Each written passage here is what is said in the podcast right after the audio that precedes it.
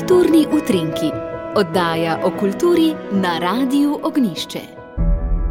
Pozdravljeni. V današnji oddaji o kulturi bomo predstavili na kratko knjigo Brez križa in imena in pod naslovom Pesnenje na drugi strani 1941-1945 in po vojni, ki jo je uredila akademikinja, dvakratna doktorica, profesorica Marija Stanonik. Knjiga je išla z letnico 2022 pri slovenski matici. Marija Stanonik se sicer že 50 let ukvarja s pesniki iz medvojnega časa. Res sem si vse čas želela, da bi nekako uravnotežila po tej plati, koliko res lahko k temu prispevam, obe strani.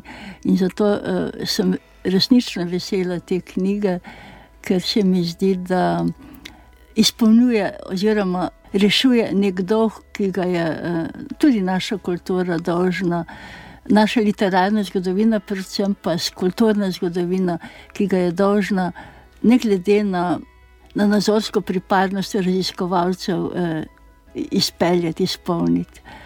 Želela sem si veste čas, ne glede eh, na kateri strani je bilo gradivo, s katerim sem se ukvarjala, vse čas. Eh, Obravnavati eh, v smislu desideologizacije, to se pravi strogo, strokovno, pietetno, pa vendarle eh, tudi neko osebno noto. No. Z tega vidika, da sem vse čas imela pred očmi, kako strahotno trpljenje je šlo skozi našo, našo zavest, in da ni čudno, da se od tega še zmeraj nismo pobrali. Ampak če bo to pripomoglo, da bi se vsaj malo. Tudi na tiste na drugi strani gledali bolj dobrohotno, eh, bi mi bilo to veliko olajšanje. In zakaj tak naslov, brez križa in imena? Danes to razumemo, da, da še zmeraj eh, velik del medvojne generacije, ki zares nima, nima še ne križa, ne imena. Ampak bolj presenetljivo za me je bilo to, zato sem, sem se tudi odločila za ta naslov, da je to napisano že med drugo svetovno vojno v neki pesmi Antona. Seliškarja.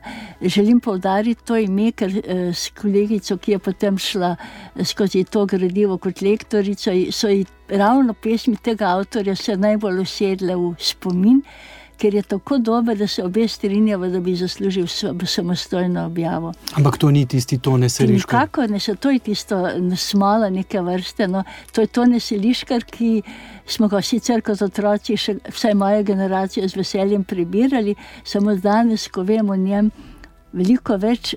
Mi je pa hudo zdaj, no bom tako rekla. On je bil z Ljubljane, pa napisal je tudi med drugim knjigo Trbovlje, socialno poezijo. Ne?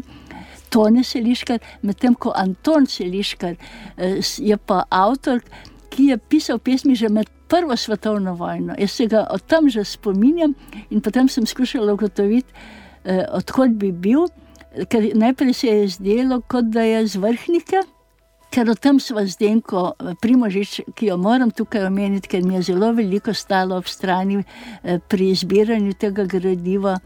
Tako da se mi zdi, da če nje ne bi bilo, ko smo eno drugo nekako podpirali, da, da bi jaz mogoče celo omagala. No? Ali bi pa bila veliko bolj osiromašena ta antologija, kar je res. Je pač, uh, je mhm. res.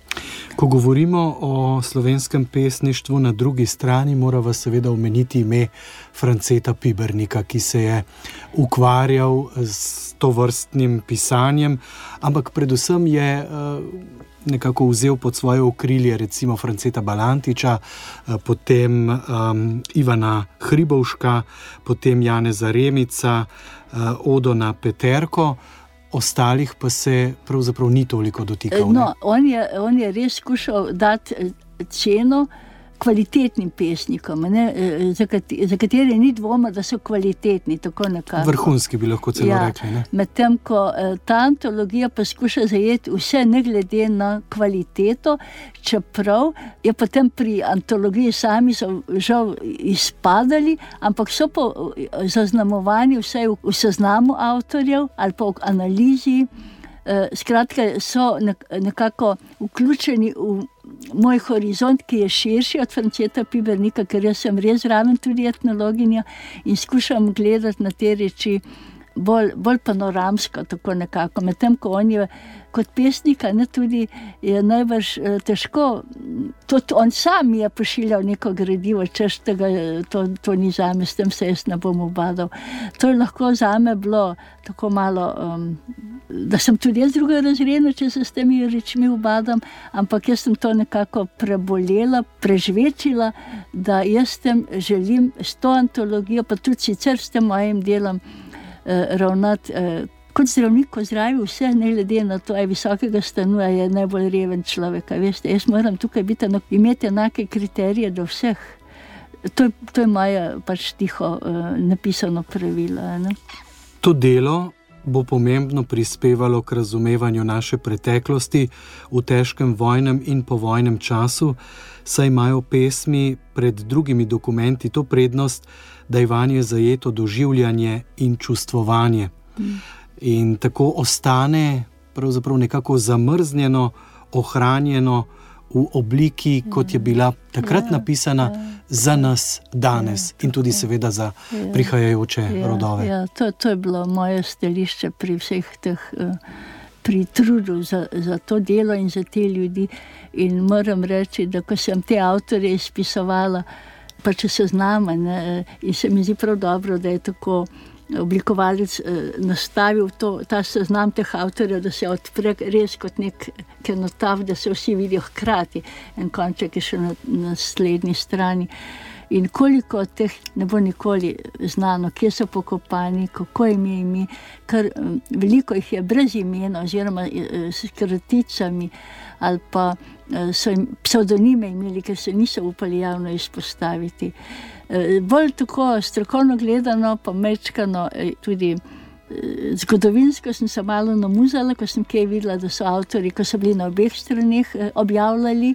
In kaj se je potem zgodilo, da niso upali priznati, niso upali. Dejstvo je, ne, da so bili vendarle tudi um, že prej, ki je druge objavljali. No. Tako je življenje, no, kaj smo drugače reči, no, brez uh, drugačnih uh, komentarjev.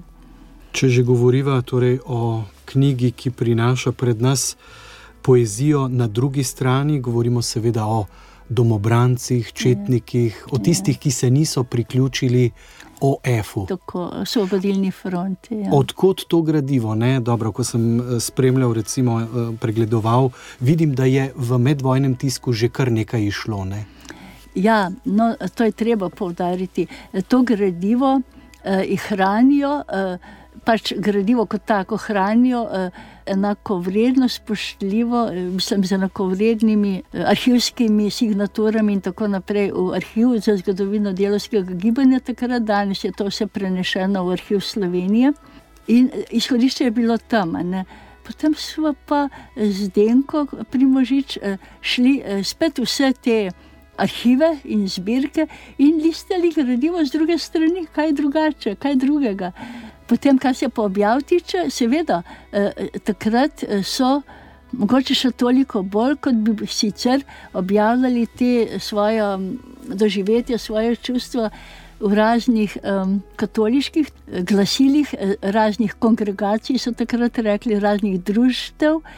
In glede na to, da se je kvaliteta uh, višala, so, je veliko teh pesmi ravno iz teh. Um, glasil tukaj objavljenih v tej antologiji.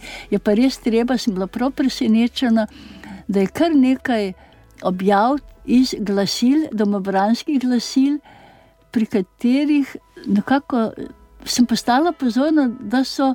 Z primorske, tega, tega sem bila res presenečena, da je stolminski, stolminski glas, recimo, pa v Vidriji je izhajalo eno glasilo, res sem bila začudena, ker ponovadi govorimo o domobranstvu eh, na primorskem, ampak v tej antologiji se pa pokaže iz virov samih, da so bili celo kvalitetni pesniki. Celo, eh, Vse lahko je za temi neznanimi imeni, prokešno znano ime, pa, pa ga žal ne znamo identificirati. Hvala lepa, akademikinja, dvakratna doktorica, profesorica Marija Stanonik. To je bil prvi del predstavitve, no celotnemu pogovoru pa boste lahko prisluhnili to nedeljo, 30. aprila ob 20. uri v oddaji Moja zgodba, prav tako na Radio Ognišče. Oddajo sem pripravil Jože Bartol.